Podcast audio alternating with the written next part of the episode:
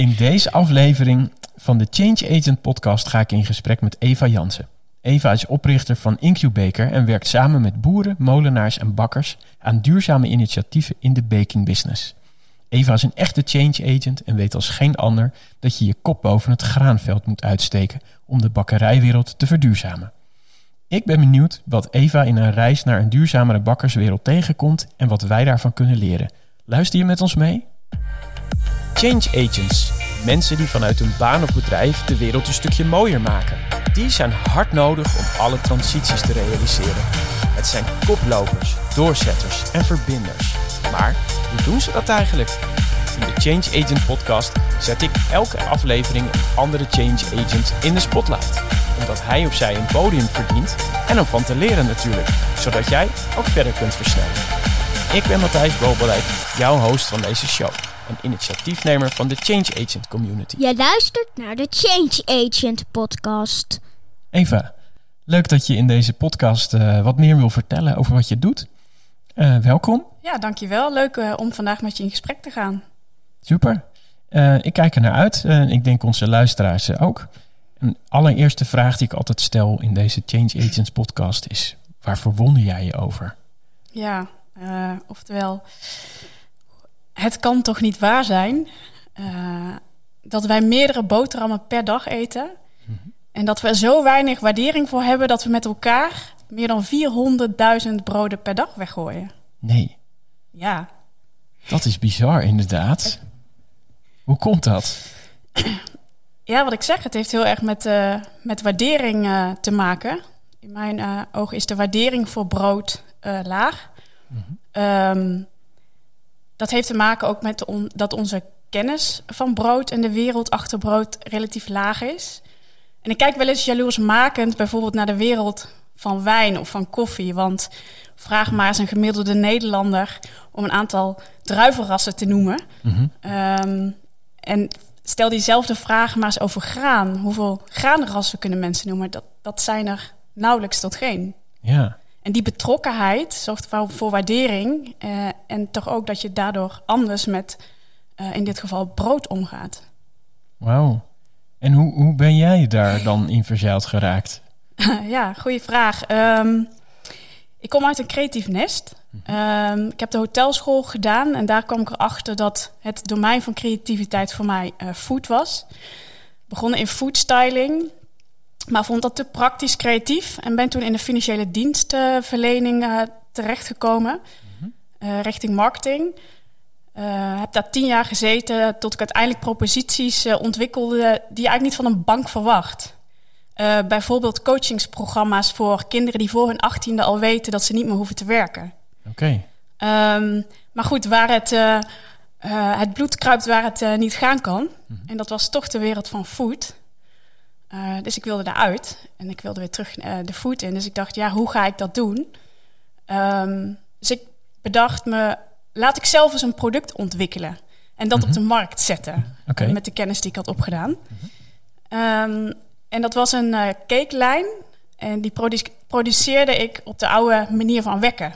Waardoor het zonder conserveringsmiddelen langer houdbaar zou zijn. Mm -hmm. um, dat product heeft uiteindelijk de markt niet gehaald. Maar het heeft me wel heel veel opgeleverd. Want ik uh, kreeg een netwerk in die bakkerijwereld. En ik ontmoette daar iemand die... Um, doorhad dat het proces waar ik op dat moment in verkeerde, uh, waar ik mee bezig was, hè, om die voet in te komen, veel mm-hmm. belangrijker was dan al die jaren bankervaring. En die persoon zei tegen mij: Volgens mij moet jij uh, uh, in de bakkerijwereld komen. En zo gezegd, zo gedaan. ik heb vervolgens vijf jaar bij een grote bakkerijorganisatie gewerkt, coöperatie van familiebedrijven. Uh, eerst marketing en later schoof dat automatisch op naar innovatie. Uh, de markt consolideerde en overigens nog steeds. Hè, supermarkten en bakkerijen fuseren. Dus overcapaciteit in de markt aan bakkerijen. Oké. Okay. En um, toen ik met innovatie aan de slag ging... Um, uh, dat was zo relevant, omdat nogmaals, het ging niet meer over wie kan er meer brood maken, maar veel meer over wat maak je dan en hoe maak je dat dan? Want die die marktpie die werd iedere keer herverdeeld. Er was niet zo, zozeer uh, meer business te krijgen. Dus je moest anders gaan kijken uh, naar de bakkerijbusiness. Mm En ik kwam erachter dat qua innovatie vooral heel veel te halen was terug in de keten. Oké. Um, dus daar ben ik onderzoek naar gaan doen. En wat me al heel snel opviel, was dat ook binnen de, binnen de bakkerij er beperkt kennis was van wat er gebeurde terug in de keten.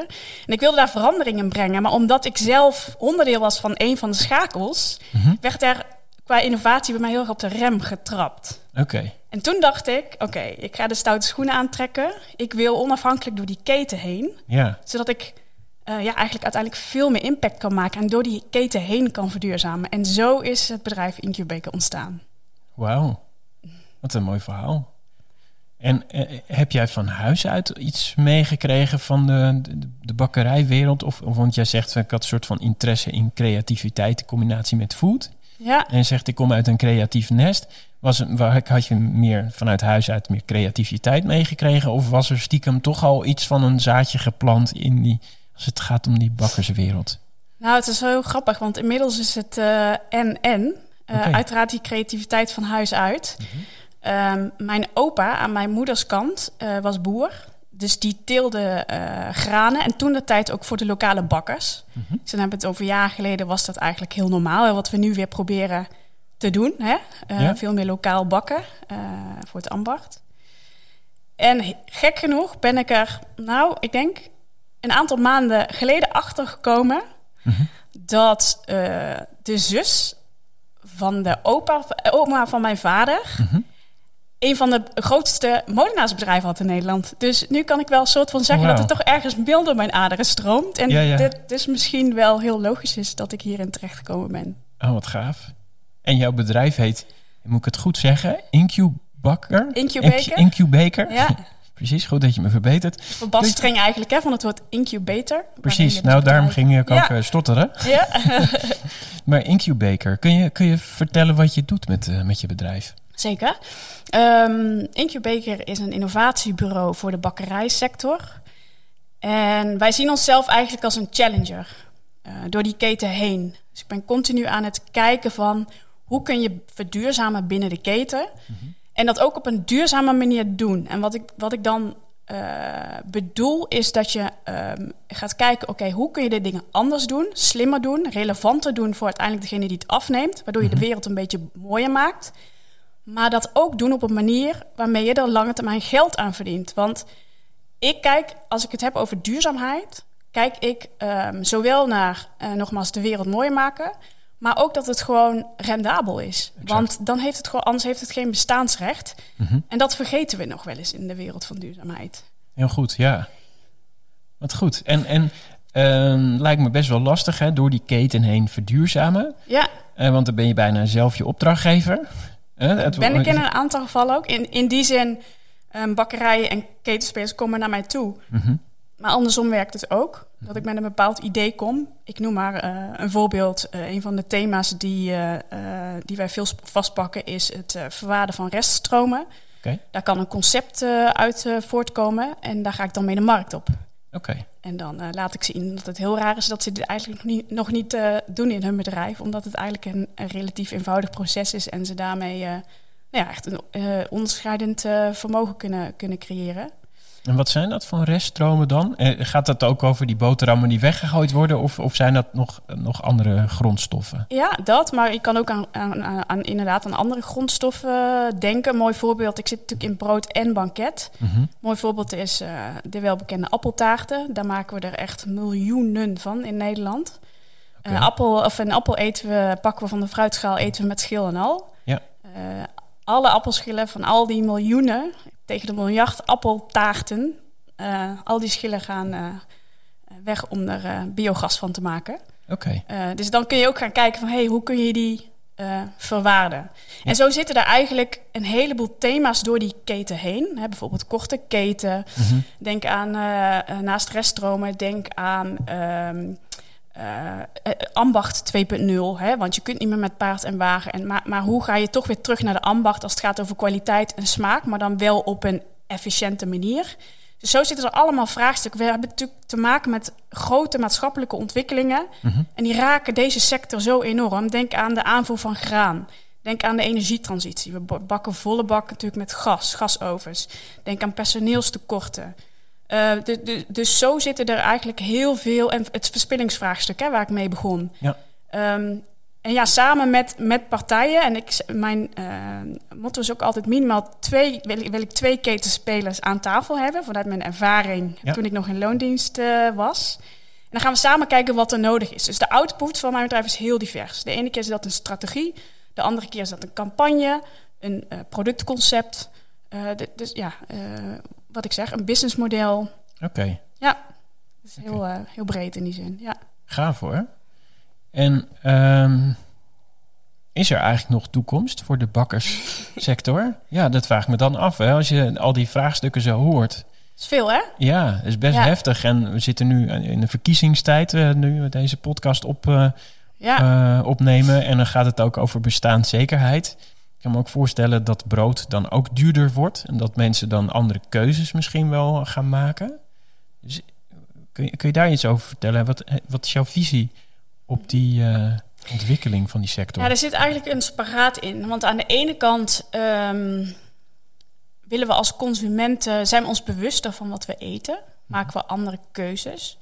Gaat het misschien minder over, is dat duur? In- En gaat het nu meer over, ja, maar die ene euro die kan je één keer uitgeven en geef je die dan inderdaad aan kleding uit of aan, aan eten uit?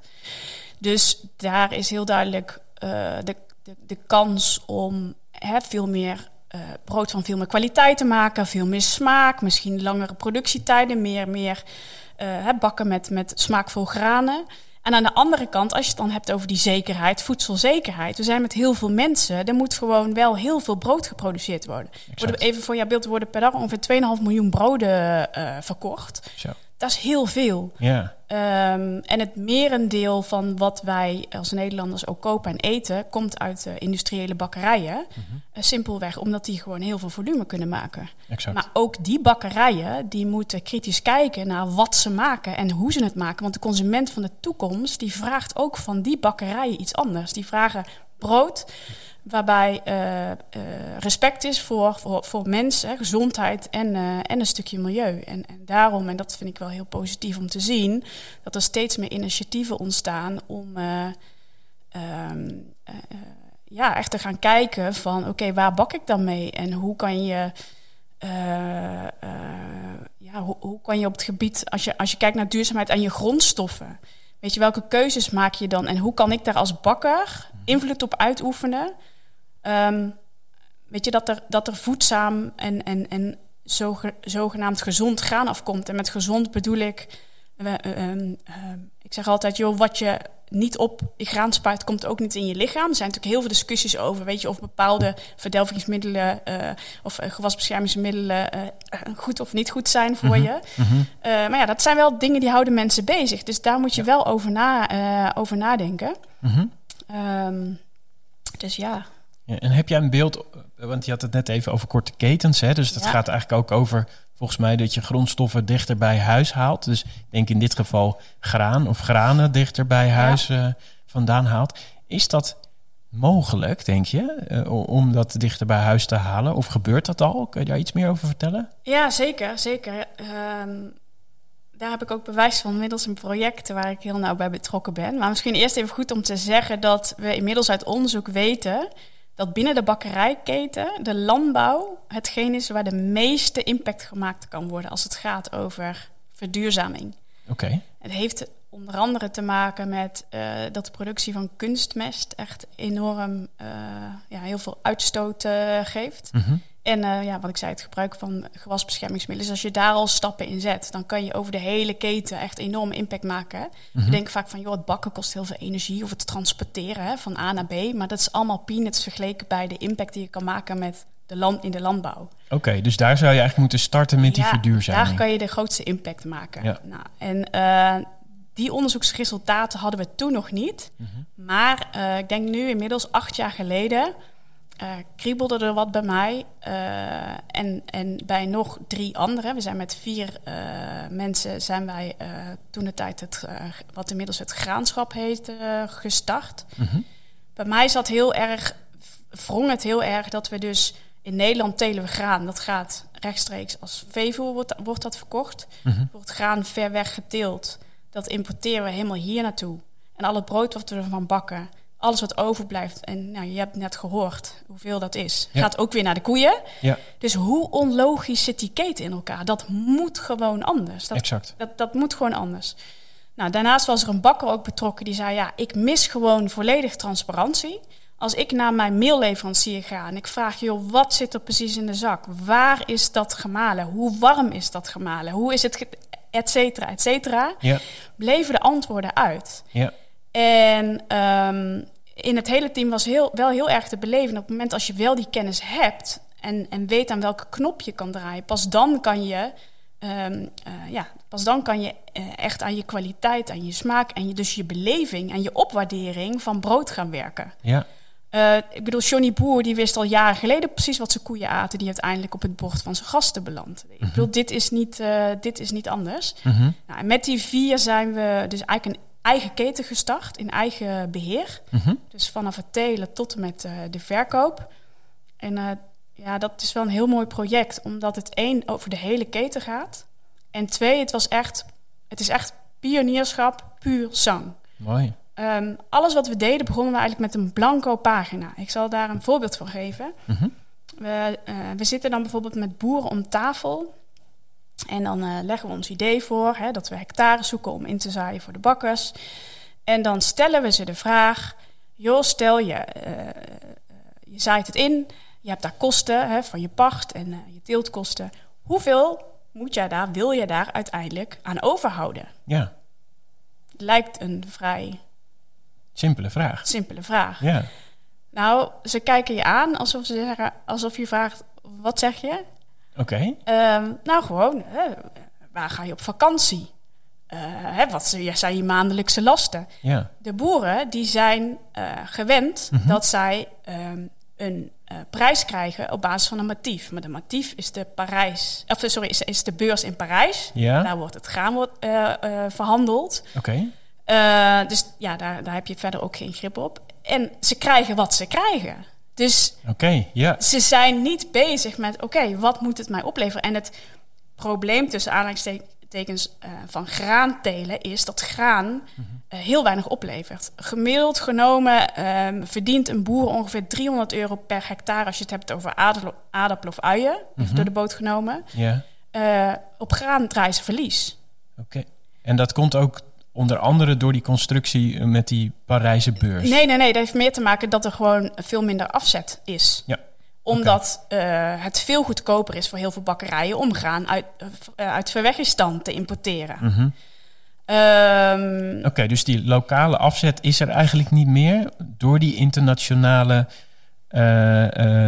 nou, samenwerkingen die er al zijn. Dus het is goedkoper voor een bakkerij om dat graan heel ver weg te halen dan van dichtbij. Ja, ja, ja. Omdat wat ik zeg, het gaat hier naar veevoer, het Mhm. grootste deel. Ik denk nu inmiddels dat er misschien 10% naar brood gaat, maar 90% nog altijd naar, eh, naar het veevoer. Mhm. Alleen waarom het wel interessant is voor boeren om graan te telen, is omdat het heel goed voor de bodem is. Oké, Het ja. zorgt ervoor dat eh, voedingsstoffen in de bodem komen. Dus iedere boer heeft één keer in de zoveel tijd heeft die granen op zijn akker staan. Het is ook relatief makkelijk te verbouwen. Je hebt daar relatief eh, weinig eh, omkijken naar Mhm. als het weer een beetje mee zit. Dus Ja, dat ja. is natuurlijk ook spannend. Zeker. Daar hebben we het nog niet over gehad. Nee. Maar graan houdt natuurlijk van de zon en Ja. van heel veel zonuren. Ehm, en in Nederland is dat wat minder. Ehm, dus toen wij acht jaar geleden begonnen, toen keken mensen ons aan. Die zeiden van, nou, je bent echt niet goed wijs. Oké, Graan in Nederland telen voor brood. Want, want graan waar je brood van bakt, er moeten heel veel gluten in zitten. eh, heel veel eiwitten in zitten. Daar is helemaal niet geschikt in Nederland eh, om, om te telen. Eh, nou, we zijn gaan reizen naar de oostkust van Amerika, naar Scandinavië. Uiteindelijk ook daarom dat ze daar een vergelijkbare grond en klimaat hebben. Mhm. En daar kon het wel. Oh, Nou, toen werden we alleen maar bevestigd in echter de manier waarop daar omgegaan werd met dat graan door Mhm. bakkers. En hoe het werd verwerkt, was totaal anders. Oké. Dus, en dit zeg ik om aan te geven dat je dus niet één schakeltje. Als je dus dit soort verduurzaming wil toepassen, moet iedereen, iedere schakel uit die keten, moet anders gaan kijken en anders gaan denken. En dat moet in elkaar grijpen. Want ehm, je kunt niet van Nederlands graan wat. Je kunt er prachtig brood van maken. Mhm. Maar niet brood wat op hetzelfde tempo over een lei gaat als waar Oekraïns graan, eh, hè, waar misschien nog wel gluten aan toegevoegd zijn, weten we niet, hè, om het te verrijken. Mhm. Om het perfect geschikt te maken voor die lijnen die 20.000 broodjes per uur eh, produceren. Ja. Dus het is dus- maar net van, wat wil je? Waar wil je heen? En Mhm. eh, ja, dan, ja, als je daar anders naar kijkt, dan, dan is er heel veel mogelijk. Ja. En tegelijk, tegelijkertijd is er dan ook weer meteen de uitdaging natuurlijk van opschaling. Want daar zitten we nu in met het graanschap. We zitten Ja. eigenlijk in de fase van, scale, van start-up naar scale-up. Mhm. Ehm, hè, want je kunt uiteindelijk niet voor heel Nederland broodjes maken die echt hè, allemaal met de hand gekneed. En weet je, dat is ook niet realistisch. Eh, dus daar zijn we ook heel erg aan het kijken naar automatisering. Maar dan wel beginnen met, bij het graan. We hebben het motto Go with the grain. Oké, Dus we passen het proces Mhm. aan aan het graan. Het begint bij het graan, terug naar de natuur. En ik denk dat dat ook de kern is voor Mhm. meer waardering voor brood. Want je zou het misschien niet verwachten, maar er zijn nog steeds veel mensen die denken dat brood toch een soort van blokken zijn die uit de fabriek vallen. En ik neem het ze niet kwalijk, hè? nee, maar ik neem het heel veel mensen die associatie met graan en dat daar e- dus eerst een zaadje in de grond gegaan is, dat dat ieder broodje acht maanden onderweg is. eh, ja, die is er in mijn ogen nog veel te beperkt. Ja. En dan zou je ook anders naar het product gaan kijken. En daar liggen zoveel kansen voor de sector, maar dan is de sector zelf echt aan zet. Ja, maar ik denk dat er veel consumenten natuurlijk... De supermarkt is zo'n ja, walhalla eigenlijk als het gaat over al die producten bij elkaar. En dan Ja. vergeten we eigenlijk snel dat het best wel allemaal ver van de natuur staat. Hè? Dat er heel veel zaken zijn toegevoegd. Alles is in Ja. verpakkingen gestopt. Het, is, het, zijn, het zijn meer producten geworden die je van een plank haalt... eh, dan dat het nog iets te maken heeft met dat er iets uit de natuur komt. Dus ik denk dat we dat vaak ook wel vergeten ja, vergeten zijn. Je had het net over eh, dat jullie zelf zo'n graanschap zijn gestart. Super tof. En dan kun je in feite zelf je eigen keten ehm, bij elkaar brengen in dat graanschap. Je had het net ook over, we moeten de hele keten aan tafel krijgen. Dus eh, het is natuurlijk het makkelijkst om je eigen keten te starten. Dat hebben jullie Ja. met dat graanschap gedaan. Hoe gaat het op andere plekken? Lukt het daar om die hele keten aan tafel te krijgen? En wat bedoel je dan met op andere plekken? Nou, jij zei net van, eh, ik, ik zit op allerlei plekken in het land en ook in allerlei plekken in de keten. En het gaat uiteindelijk om dat we die keten, dat we door die hele keten heen gaan verduurzamen. Jij gaf net aan, we zitten met een, een boer aan tafel en eh, wat wil je voor je graan hebben? Wat heb je nodig? Zit je bijvoorbeeld wel eens met en een set van boeren en een supermarkt en een bakkerij, eh, dus echt met alle ketenpartners aan tafel om dat wat jullie geleerd hebben in dat graanschap ook toe te passen op andere plekken? Ja, ik denk dat we daarin wel een voorloper zijn. En in dat graanschap zitten we dus ook met verschillende partijen. Want wat ik nog niet heb verteld, daar waar we in eerste instantie echt alles zelf deden, hè, tot en met de verkoop. Dat is een grappig verhaal. Eh, vlakbij in Laren hebben we letterlijk twee zeecontainers eh, aan elkaar gelast. Mhm. En toen hebben we echt ook weer de vraag gesteld van... oké, wat is er minimaal nodig om hier een broodje uit te krijgen? Oké. Eh, dus toen verkochten we het zelf. Ook met het enerzijds om een stukje ehm, eh, bekendheid voor het initiatief. En anderzijds om ook consumenteninformatie op te halen. Ja. Maar daar zijn we op een gegeven moment was die functie uitgewerkt. En dus zijn we een jaar later. Ehm, eh, zijn we geswitcht en hebben we gezegd: joh, we willen dit aanbieden aan bakkers. Want we merkten gewoon dat bakkers echt wel willen, wilden, maar niet wisten waar ze moest, moesten beginnen. Mhm. En daarmee kon je, veel, ja, kan je ook veel meer makkelijker een olievlek eh, eh, creëren. Dus ehm, ik denk wel dat door het graanschap ehm, zijn er nu veel meer bakkers die dus die vragen stellen en die dus daadwerkelijk eh, ja, zich ook bekommeren over eh, eh, wat voor graan ze inkopen en waar ze mee bakken. Ehm, en inmiddels eh, is ook de eh, retail eh, aangesloten. Eh, die zijn natuurlijk ook ongelooflijk op zoek naar onderscheidend vermogen, anders dan prijs. En, eh, Mhm. nou ja, En wat bedoel je met retail? Zijn dat de kleine bakkers op de hoek of zijn dat grotere ketens? Eh, ik bedoel, ja, eh, bijvoorbeeld, de, nee, ik bedoel in deze de supermarkten. Oké, ja. Die natuurlijk echt op zoek zijn hè, naar uh, onderscheidend vermogen, anders dan die prijsdruk Mhm. en uh, nou, onderscheidend assortiment. Nou ja, er is een supermarkt die nu heel erg inzet, inzet natuurlijk ook op, op teelt en op biologisch en op gezond. En, ja, en je ziet nu dat de eerste bakkerij daar nu voor zo'n 400 winkels voor aan het bakken is. Um, en dat vinden zij ook heel spannend, want dat zit ook in een andere prijsrange. En, maar, maar je ziet wel, um, en daar heb je denk ik wel bepaalde koplopers voor nodig, dan volgt de rest. Dus ja. uh, ik denk niet dat het realistisch is om allemaal van dat type koploper graanschapprojecten overal uh, zeg maar, proberen te realiseren. Maar ik denk wel dat het, uh, ja, dat het een het ander heel erg aanzwengelt. Ja.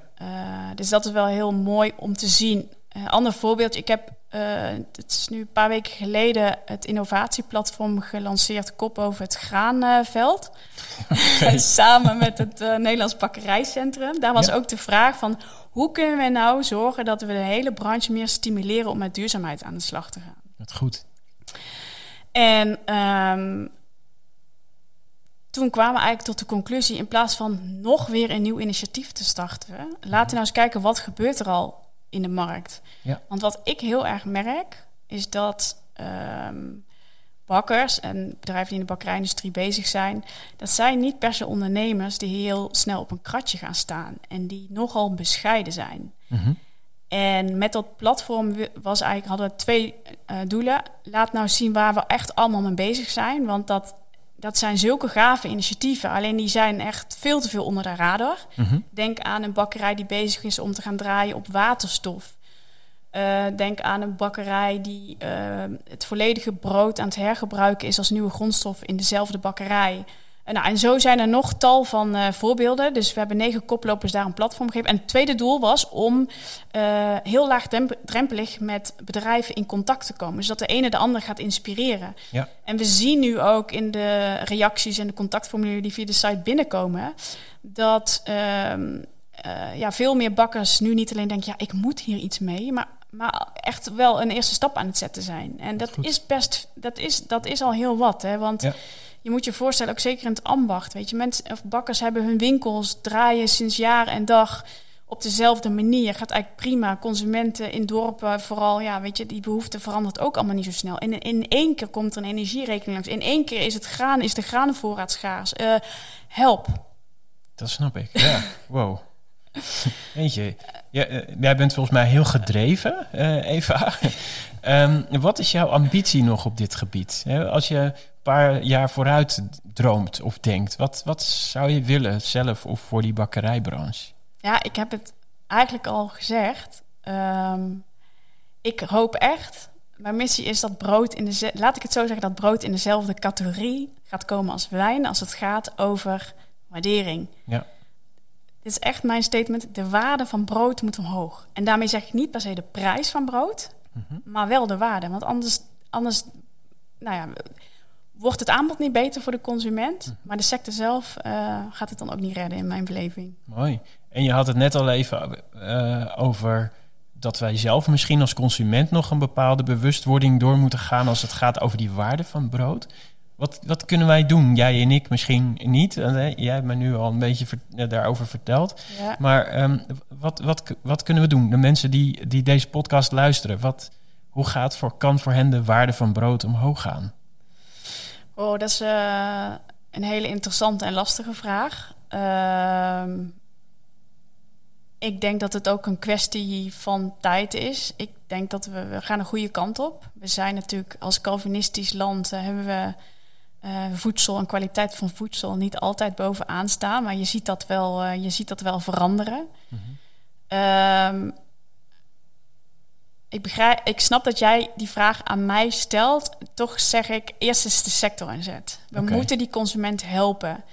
Maar, maar, maar misschien eh, dat betrek ik het even op mezelf en dan is N is één. Maar als ik bijvoorbeeld kijk naar de koffie die ik drink, Ja, dan ben ik me best wel bewust van hé, hey, wat voor bonen koop ik en smaakt die lekker en hoe bereid ik dan die koffie en hoe is die, waar komt die koffie uit, uit de keten vandaan? En dat geldt eigenlijk ook voor de thee. ja. En doe je dat ook bij brood? Eh, ja, dan koop ik het bij de lokale bakker. Maar stel je jezelf die vragen dan ook die, die je stelt bij de koffie? Nee, anders. Omdat ik toch minder het idee heb dat ik geïnformeerd word over wat voor verschillende granen er ook zijn. Ik heb ook het idee dat het allemaal een beetje hetzelfde is. En, da- en dat is precies mijn punt. Ja. Het komt ook omdat jij ja, be- beperkt misschien kennis of hè, beperkt betrokken bent Mhm. Eh, bij de wereld achter brood. Terwijl je die misschien wel net zo waanzinnig interessant zou vinden eh, als de koffie. Exact. Dus het gaat ook over het informeren van je klant over wat zijn de verschillende typen broden. Ja. En wat voor granen eh, wordt dat van Ja. gemaakt. Ja, en even heel simpelweg, wat kun je doen als consument? Heel simpel, als het dan over verspilling gaat, kunnen we als consument natuurlijk heel veel doen. Ja. Ehm, in het geval van brood, hè, het stukje invriezen, het stukje hè, oud brood hergebruiken. Eh, maar goed, jij weet denk ik zelf ook wel, gedragsveranderingen is het lastigste wat er is. Ja. Maar goed, ook daarin eh, denk ik dat eh, het tij gaat keren en dat we veel zorgvuldiger ook op die manier met onze aarde omgaan door, eh, nou ja, door eh, minder weg, eh, weg te gooien. Zeker. Ja, Maar ehm, ik, ik vind de cijfers eh, nog wel eh, ja is heftig. heftig. Ja, ik heb zelf een keer een blauwe maandag als bijbaantje in een bakkerij gewerkt. En dan ging er op vrijdagavond echt heel veel brood ook weer weg. Dat niet verkocht werd. Ja, ja want dat Dus- zit nog niet in. Hè? Dat, als je dat meetelt, zitten we ongeveer op 700.000 broden per dag. Als we het dan ook nog hebben over, Over- brood wat overblijft in supermarkten, in Zo. bakkerijen. Jeetje, Ja, ongekend is dat. ja. Nee, daar moet inderdaad iets, eh, iets aan gebeuren. Ehm, even denken, mi- misschien ook iets over jouzelf nog. Hè? Je bent eh, gedreven aan, het, eh, aan het, verandering, aan het aanjagen. Welke skills heb jij in om dat voor elkaar te krijgen? Heb je misschien ook een beetje om andere change agents die aan het luisteren zijn, om nog eventjes eh, dat mee te geven? Ja, ik denk dat de kracht van kunnen innoveren in, bij mij zit in het zoeken naar de balans tussen eh, creativiteit, Mhm. eh, commercieel denken, eh, en dan bedoel ik hè, rendement, in welke vorm dan ook. En continu vanuit die consument ook blijven denken. Dat lijkt simpel en dat is het niet. Zeker niet als je al vijf jaar meegaat. Dus ik, eh, ja, heel af en toe zit ik met mijn handen in het deeg, maar bewust heel weinig. Want ik wil kunnen, kunnen reageren en kunnen nadenken, eh, blijven nadenken vanuit de consument. Eh, en ik ben ervan overtuigd, als die drie met elkaar in balans eh, zijn, dan Mhm. heb je echt wel een sleutel voor innovatie, succesvolle innovatie. Mooi. Oké. En welke tips heb jij voor andere change agents als je het hebt over transities of verduurzaming of de- door de keten heen Ja. dingen aanpakken? Ehm, ik denk toch wel. Ehm, laat je niet verslaan door de groot, grootheid van dingen. Wauw. Ehm, en pak kleine dingen vast. Ehm, toch wel dat groot denken en klein doen. Je moet groot denken. Ja. Als je niet groot denkt, dan, dat, dat, dan zitten we weer, zeker in mijn branche, in het stukje opschaling. En er zijn natuurlijk zo verschrikkelijk veel kleine initiatieven. En ik vind het hartstikke tof. En eh, ik, ik omarm alleen maar dat soort ondernemerschap. Ehm, alleen dat is op de lange termijn niet vol te houden als je daar niet vanaf dag één een goed businessmodel bij bedenkt. Wat in ieder geval de potentie heeft om te groeien. Ehm, ja, en nogmaals, klein, kleine stapjes zetten en gewoon beginnen en gewoon doen. En, en dat is er eentje die je natuurlijk vaker hoort. Mhm. Ehm, maar ja, la- laat je, ik zou bijna zeggen, laat je ook inspireren door die grote dingen. Ehm, en ga dan heel creatief kijken hoe jij daar als persoon met je Mhm. eigen talent en je eigen eh, drive en, en innovatiekracht daarvoor een puzzel kan leggen. Daar, daar krijg ik energie van. Ik hoop dat meer mensen dat op die manier eh, ervaren. Ja, dank. Nou, ik krijg in ieder geval heel veel energie van het verhaal wat jij hebt verteld. En ik, ik hoop de luisteraar eh, die, die dit zit te luisteren ook. En volgens mij moeten we één ding niet vergeten: dat dat brood veel meer waard is dan wij op dit moment zelf ervaren. Eh, dus dank in ieder geval. En voordat we Ja. afsluiten, als mensen meer over jou of je bedrijf willen weten, waar, waar kunnen ze dan meer informatie vinden? Bijvoorbeeld over eh, dat graanschap of de- dat andere initiatief wat je bent gestart over dat Ja, nou op, eh, op onze website uh, incubator.nl vind je meer over wat het bedrijf doet en onderzoekt en waar, we- waar we mee bezig zijn. En zie je ook de projecten staan. En ehm, eh, hetzelfde geldt voor de website graanschap.nl. Zeker als je luistert en je bent een boer of een bakker, uh, ga erheen. Uh, want samen staan we sterker. En uh, we hebben een prachtig mooie nieuwe oogst om mee aan de slag te gaan. Dus daar vind je meer informatie over dat initiatief. Super. Nou, dankjewel. En nou ja, ik hoop dat jij weer geïnspireerd bent geraakt als luisteraar in deze Change Agent podcast. mocht je dit interessant vinden, en, deel hem ook in je netwerk. En abonneer ook op, dit, op deze podcast, de Change Agent podcast. Zodat je ook weer van andere change agents hoort die in volgende afleveringen komen wat zij te vertellen hebben. Heel veel succes met veranderen en uh, tot in de volgende aflevering.